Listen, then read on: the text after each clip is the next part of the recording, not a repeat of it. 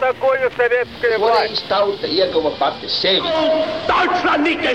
Liktenīgas nejaušības un slēptas likumsakarības, subjektīvas patiesības un objektīvi aizspriedumi. Pēc atkušņa nekad nenāk uzreiz pavasars, bet sākās Arī šodien cilvēki ir ļoti tuvredzīgi. Viņi redz to naudu, kas ir Televīzijā jau pamatā notiek cīņa par varu. Pagātne no šodienas skatu punkta un šodienas caur pagātnes prizmu. Raidījumā šīs dienas acīm. Katru svētdienu Latvijas radio eterā Eduards Liniņš. Labdien, cienījamie klausītāji! 1922. gada 3. augustā Latvijas Republikas ministru kabinets pieņēma noteikumus par naudu.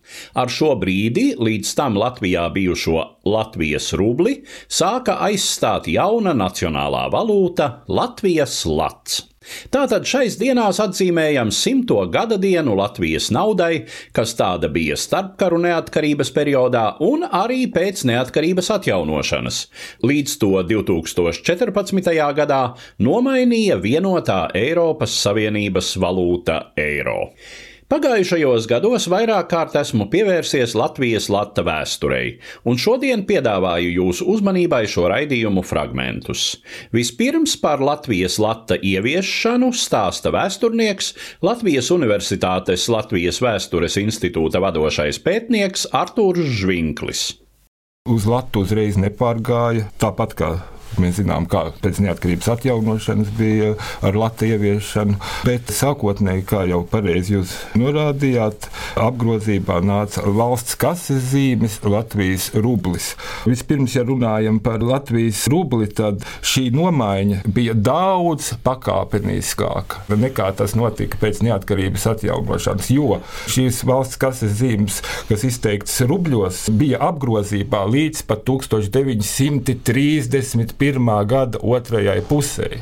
Kāds tam iemesls? Pirmkārt, sāksim ar to, ka milzīgi grūta un plaša bija šī diskusija par Latvijas naudu, kā to ieviest, kādai tai būt. Pirmais likuma projekts ar finansu ministrijas priekšlikumu lietot lata nosaukumu tika izstrādāts jau 1919. gadā.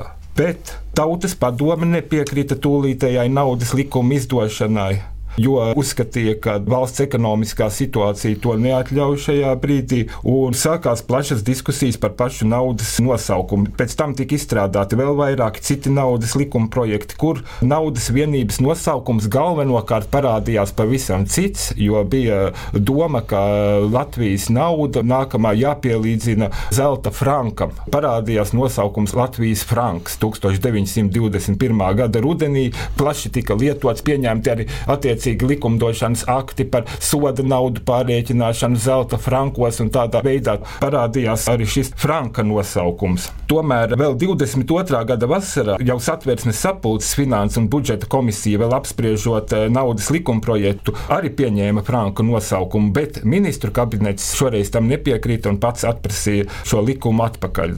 Atkal izvērtās dzīves diskusijas par naudas vienības nosaukumu. Tika piedāvāti tādi varianti saukt viņu par velta, līga, saule, latva, dižā, puķis, ozols un tā tālāk. Visādi šādas variācijas pat bija. Bet diskusija izbeidzās ar 1922. gada 3. augusta ministru kabineta noteikumiem, ar kuriem tika ieviests lata nosaukums. 1923. gadā tika noteikts, ka viena lata gabala izgatavojama no sudraba pēc latīņu monētu savienības noteikumiem. Metālam jāsatur attiecīgi 835 daļas sudraba un 165 daļas vara. Lata diametru noteikts 23 mm, svaru 5 gramu, svara svārstības nedrīkstēja pārsniegt 700 daļas, satura svārstības 300 daļas. Uz šādiem noteikumiem tad arī stājās pie lata ieviešanas Latvijas valstī.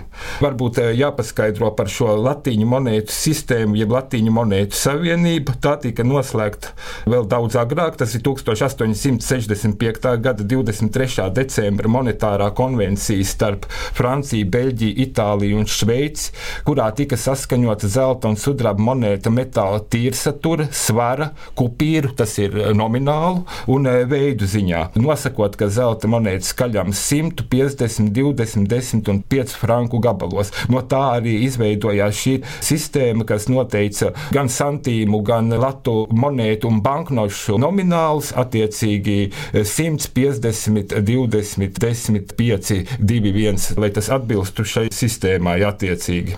Latvijas lati atradās apgrozībā ne tikai kā Latvijas bankas banknotes, bet arī kā valsts kases zīmes. Par šādas situācijas rašanās apstākļiem un lata tālāko funkcionēšanu stāsta Latvijas Nacionālā vēstures muzeja pētniece Kristīne Ducmane. Kad Latvijas rublis izbeidzās un tika nodibināta Latvijas banka, kur sāk emitēt latus, tad radās jautājums, ko tad darīt lūk ar šiem Latvijas rubļiem bija divas koncepcijas. Viena aizstāvēja toreizējais finanšu ministrs Ringolds Kalniņš, un otra frakcija bija saimā, kur uzskatīja, ka jāpaliek apgrozībā ir arī Latvijas šīm kases zīmēm. Pa to starpu Ringolds Kalniņš nebija finanšu ministrs, un kad viņš atgriezās 24. gada 14. novembrī, saima apsprieda likumu par valsts kases zīmju izņemšanu no apgrozības. Daļa deputātu uzskatīja, ka Latvija nav nobriedusi tam, lai lūk šo Latvijas zeltu nodotu tikai Latvijas bankas rokās un izlaistu banknotes, jo zelts viņa izpratnē bija Latvijas Latvijas stratēģiskās drošības atslēga un ka tam jāatrodas politiskās elites rokās, gan ministru kabineta rīcībā, gan daļēji Latvijas bankas rīcībā. Un Kalnīga likums līdz ar to neguva deputātu atbalstu, un tā paša 24. gada 14. novembra pēcpusdienā tika pieņemts likums par valsts kases zīmēm, kas noteica, ka rubļos izlaistās kases zīmes izņemamas no apgrozības un tā vietā izlaižamas jaunas valsts kases zīmes 1, 2, 5, 10, 20 latu papīra naudas zīmes, un kopsumā šīs naudas nedrīkst pārsniegt 48 miljonus latu, un kā par tām atbild valsts ar visu savu mantu. Nu, jāsaka, ka vienu un divu latu papīra naudas zīmes bija sagatavots.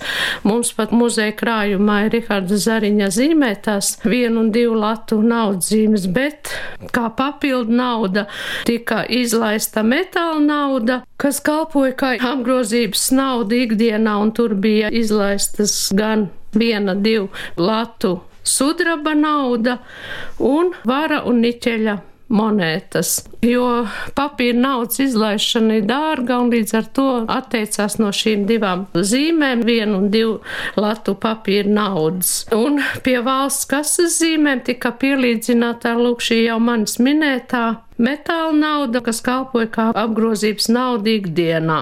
Valsts kases zīmes izlaida tātad 5, 10 un 20 latu nominālā. Un banknotes bija 10, 20, 25, 50, 100 un 500 lati, kas bija nodrošināti ar zeltu, jo pastāvēja tā sauktais zelta standarts. Un pat ekonomiskās krīzes laikā, 1931. gada 21. septembrī, kad Lielbritānija atteicās no nacionālo valūtu piesaistes, Latvija šim piemēram nesekoja, it kā atlaid to valūtu, bet vēl piecus gadus Latvijas banka turēja augstu šo zelta standartu Latos līdz 1936. gada 28. septembrim kad Latu pielīdzināja Lielbritānijas sterliņa mārciņai.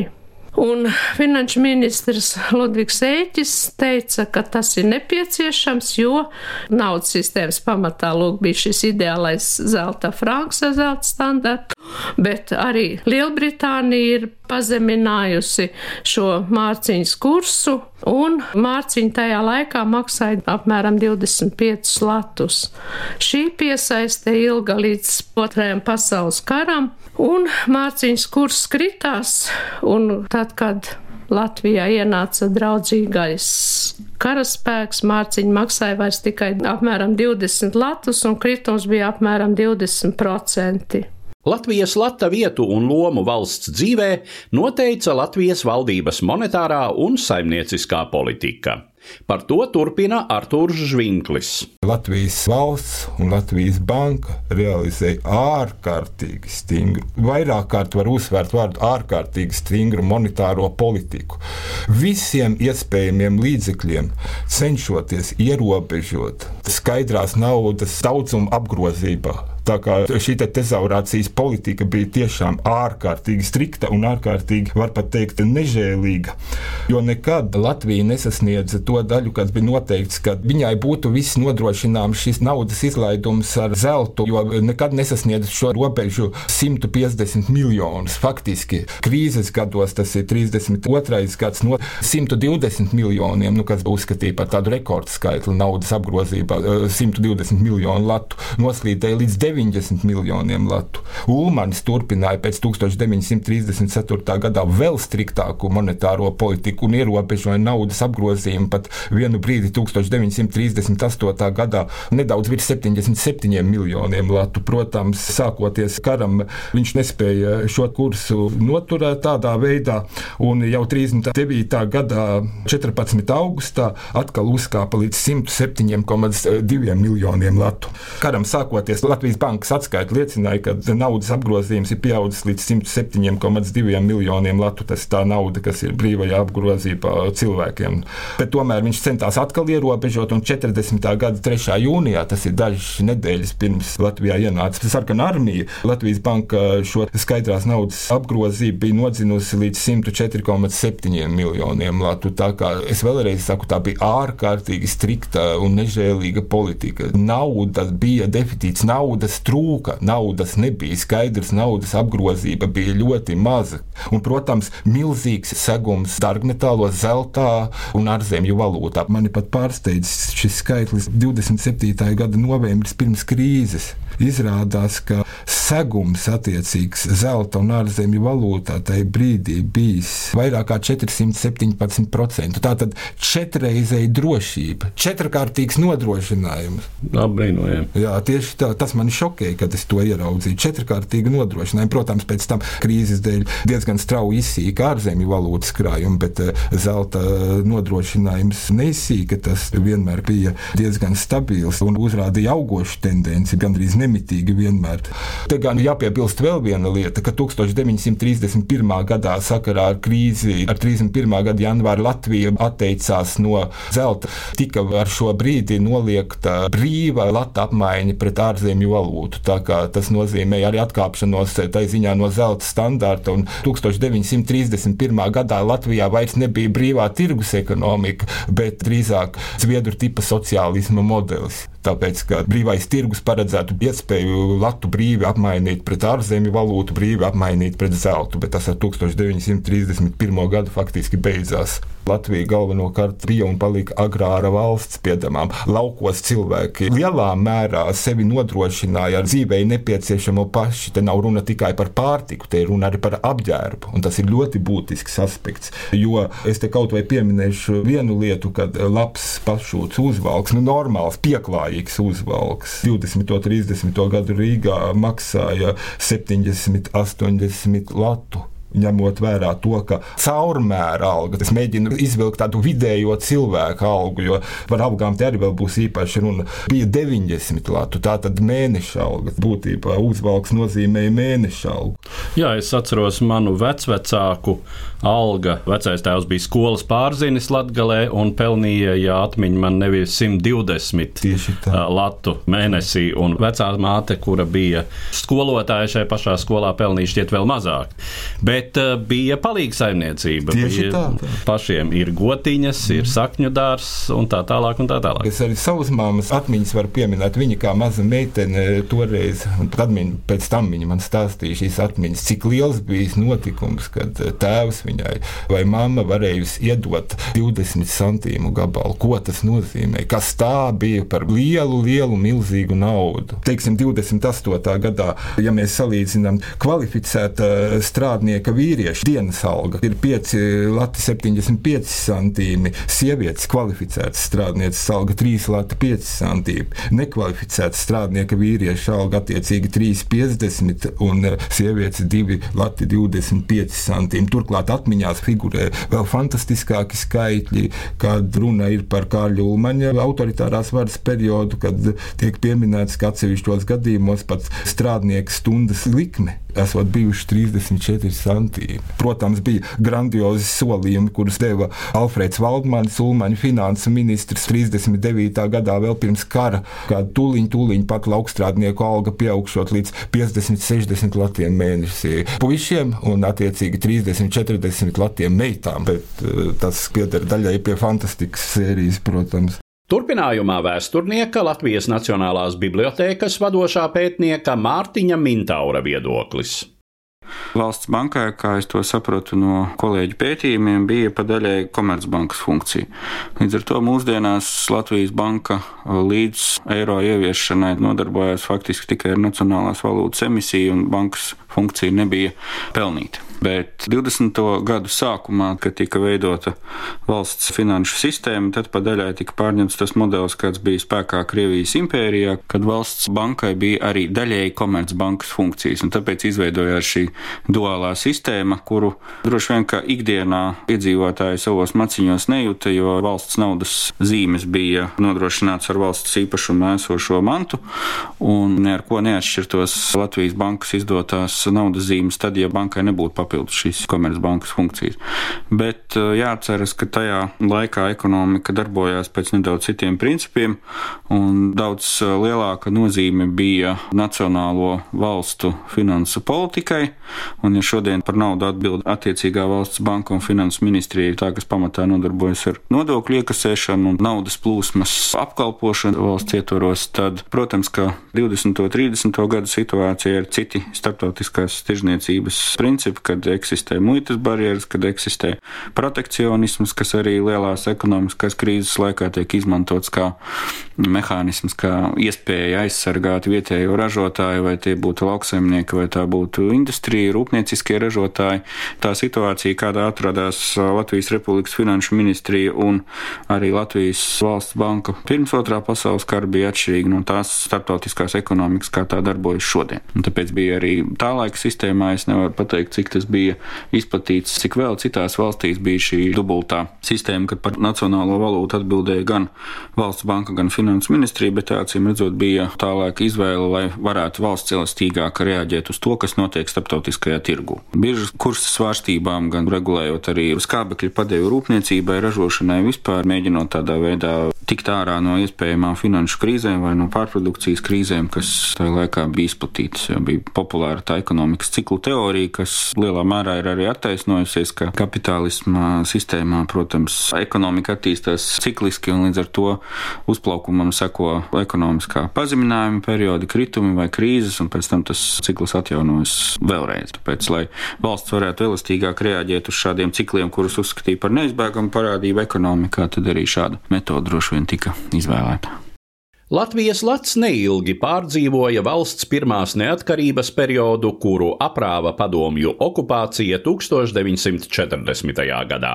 Par lata likteni tā sauktajā baigajā gadā stāsta Latvijas Nacionālā vēstures muzeja numismātikas nodaļas vadītāja Anna Ozoliņa un vēsturnieks biznesa augstskolas turība docents Edvīns Evarts. Sākoties šai okupācijai, Latvijas palika apgrozībā un funkcionēja. Un sākotnēji Latvijas banka pat cerēja uz samērā patstāvīgu politiku arī jaunās varas apstākļos. Un arī vēl šī pēdējā latu emisija, šī sudraba nauda, protams, pazuda pirmā visu politisko norišu rezultātā, palika cilvēku kabatās un trūka naudas apgrozībā. Tad arī pirmā padomju laika naudas emisija šeit, Latvijas emisija bija Latos. Bija 5 un 20 latu kases zīmes, kuras iznāca tādas pašas kā 1940. gada sākumā, arī 40. gada vasaras nogalē, bet jau ar citiem parakstiem. Tur vairs nebija finanses ministrs, bet tur jau bija finanšu tautas komisārs. No tā mazā cilvēka puses, teiksim, no strādnieka puses,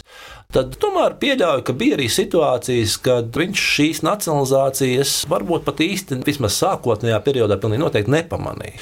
Jo darba vieta jau saglabājās tieši tāpat.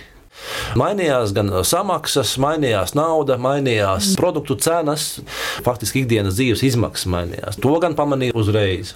Par tām ikdienas dzīves izmaksām tur ir vērojama tomēr diezgan pārdomāta politika. Līdzās Latvijam šeit apgrozībā ieviešot arī PSRS maksāšanas līdzekļus. Nu, tad tiek veikta vesela virkni darbību, kā mēs redzam pēc padomju valdības lēmumiem, lai pielīdzinātu, tātad kurs ieviešot šeit padomju savienības rubli ir viens pret vienu, viens rublis pret vienu latu.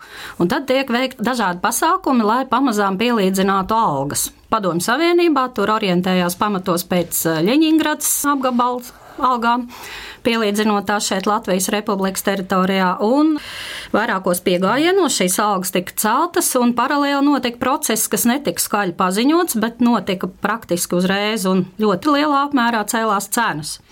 Piemēram, līdz 40. gada novembrim maizei cena bija pieaugusi jau par 60%, gaļai par 80%, sviestam par veseliem 100%, bet vilnas audumam, piemēram, jau par 400%. Tātad reāli tam cilvēkam, it kā teorētiski viņa jaunajā darba vietā alga cēlās, bet uh, nauda viņa kabatās kusa ļoti lielā ātrumā.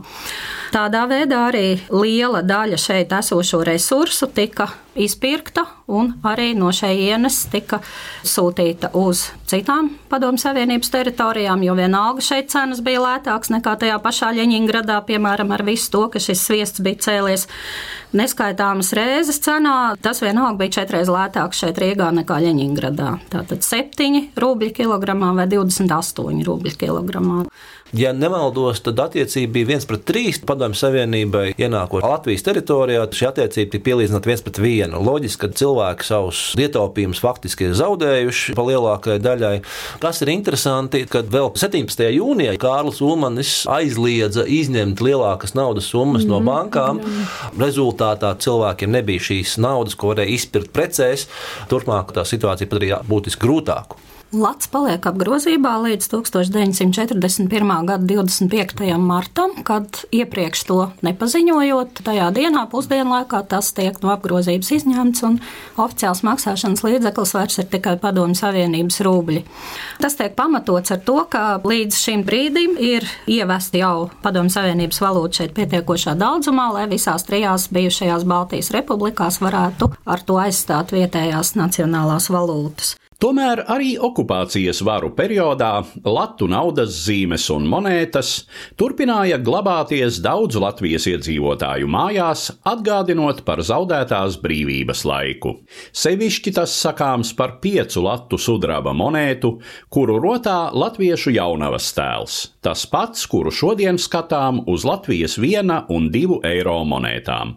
Turpina Anda Ozoliņa. Pieci lati bija paredzēti šajā sudraba naudas sistēmā, un sākotnēji tos gatavojās uzsākt kalt jau 1925. gadā. Bija pat dizaina projekts ar prezidentu čaksti vajadzēja būt šai monētai.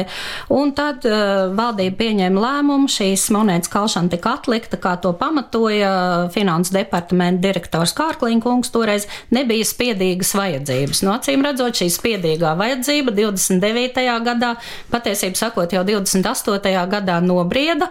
Un viens no iemesliem bija tas, ka vajadzēja apgrozībā aizstāt piecu latu kases zīmes, kuras sāka trūkt un kuras arī bija viena daļa ļoti tehniski sliktā stāvoklī. Tātad vajadzēja vai nu jaunu papīra naudas emisiju, vai nu izšķirties par šo sudraba naudas izlaišanu. Un 28. gada rudenī valdība pieņēma lēmumu, ka tomēr tā būs sudraba monēta un pie tam ar veidolu, kas būs cienīgs kultūras dokuments. Tātad uzreiz jau padomājot par to, ka viena daļa no šīm monētām varbūt arī varēs veiksmīgi izņemt no apgrozības un tās iegulsies kā simbols. Vēlreiz tika lēmts izsludināt skiču konkursu. Tika jau dots uzstādījums, ka šim tēlam, kas nu būs ar to kultūras vērtību, ir jābūt jaunas sievietes tēlam vienā pusē un valsts lielajam ģērbonim otrajā pusē. Un, nu, tad ar šādiem noteikumiem notika jau skiču konkurss, kurā bija divi uzvarētāji, bet neviens no šiem projektiem netika realizēts. Realizēja tolaik valsts papīra spiestuves pārvaldnieka un Mākslas akadēmijas profesora Riharda Zariņa projektu. Šim tēlam uz pieclāta monētas ir arī konkrēts prototyps. Ir konkrēts prototyps, kas arī ir jau ir apaudzis ar savu leģendu. Un stāsts, protams, ir par daudziem jau labi zināmo Zelmu Braueri, kura bija Riharda Zariņa kolēģe valsts papīra spiestuvē. Viņa bija korektore, viņa bija sieviete ar ļoti labu izglītību, pārvaldīja septiņas valodas un varēja ne tikai šos tekstus tūkot, bet pat arī rediģēt un dot lielu ieguldījumu šīs valsts papīra spiestos darbā. Turklāt viņa bija arī jauna un glīta, ar tādu latvisku skaistumu apveltīta, kas sirmajam jau tolaik profesoram, protams, likās ļoti simpātiski, un viņa kalpoja par par modeli ne tikai šim pieclatniekam, bet arī daudziem citiem viņa zīmējumiem. Daudzās skicēs ir redzama, ir redzama arī uz citām naudas zīmēm, uz desmit latiem un uz 20 latiem papīra naudas zīmēm. Ir redzama latviešu tautas starpam veltītajos albumos un vēl daudzos citos viņa zīmējumos, tā skaitā arī satiriskajā žurnālā Svāri. Protams, ir spekulācijas par šīm simpātijām un attiecībām, un vienmēr tiek pasvītrots, ka šīs attiecības ir tīri platoniskas, un ka uzmanību Zelns Jaunkundze ir izpelnījusies nevis tikai ar savu latvisko skaistumu, bet ar to, ka ir paglābusi valsts papīra spiestuvi no liktenīgas kļūdas kādā ļoti svarīgā valdības dokumentā, kas arī tur ir iespiests Nu, jāsaka gan, ka tā, ko mēs šobrīd redzam arī uz savām eiro monētām, nav vairs gluži Zelma Brauere, jo stipri vien tēls ir idealizēts, uzlabots, padarīts cēlāks un Eiropas tādiem skaistuma kanoniem atbilstošāks. To ir veicis Lielbritānijas karaliskās monētu kaltuves tolaik, galvenais gravieris Sers Persijas Metkalvs, kurš tad pēc šī skiču projekta veidoja monētas plastisko veidolu. Ir pielabota sejas forma, ir pielabota mazliet frizūra. Tiešām izdevās monēta ar pievienoto vērtību, jo tajā brīdī, kad 1929. gadā 23. decembrī Rīgā, citur Latvijā tas notika vēlāk, šī monēta nāca apgrozībā. To sagaidīja rindas pie bankas nodaļām. Un ir, protams, liels aizdoms, ka liela daļa no šīs pirmās tirāžas kļuva par tuvo Ziemassvētku dāvanām tuviniekiem un ģimenes locekļiem. Laika gaitā, protams, tā kļuva par simbolu un arī cauri otrā pasaules kara notikumiem, cauri abām okupācijām, izdzīvoja kā Latvijas simbols un arī tika ņemta līdz emigrācijā un nokļuva arī ar izsūtītajiem austrumos viso šo traģisko notikumu rezultātā. Un gal galā arī mana paudze vēl 80. gados kā klusu protestu un piederību latviešu tautai lietoja šo monētu no tās izgatavotās rotas lietas, mājās tā glabājās, kā tāds atgādinājums par šo Latvijas brīvvalsts laiku. Turpina Mārtiņš Mintaurs.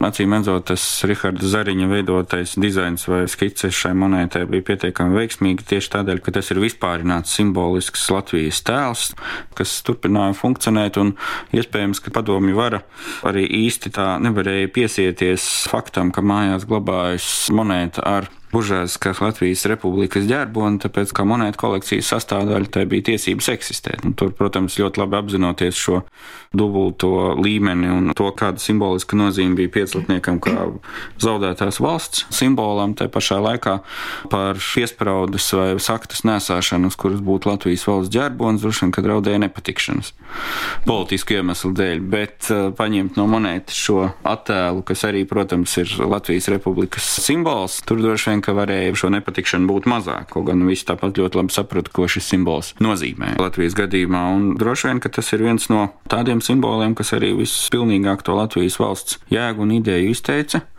Padomju okupācijas laikā domāju, ka tas nav mainījies un, un nav pazudis arī pārējot uz Eiropas Savienību. Nevelti tieši šis pieclatnieka motīvs, tautameitas sejas motīvs arī ir tas, kurš ir pārceļojis no Latvijas Republikas naudas pirms otrā pasaules kara uz šo mūsdienu eiro monētu. Līdz ar to noslēdzu vēstījumu par Latvijas nacionālo valūtu latu, kopš kura ieviešanas šais dienās atzīmējam simto gada dienu. Raidījumā dzirdējāt vēsturniekus Latvijas Nacionālā vēstures muzeja pētnieci Kristīni Ducmani, biznesa augstskolas turība docentu Edvīnu Evartu, Latvijas Nacionālās bibliotēkas vadošo pētnieku Mārtiņu Mintauru, Latvijas Nacionālā vēstures muzeja numismātikas nodaļas vadītāju Andu Ozoliņu un Latvijas Universitātes Latvijas Vēstures institūta vadošo pētnieku Artūru Žvinkli. Uz redzēšanos, cienījamie klausītāji! Katru svētdienu Latvijas radio viens par pagātni sarunājas Eduards Līniņš.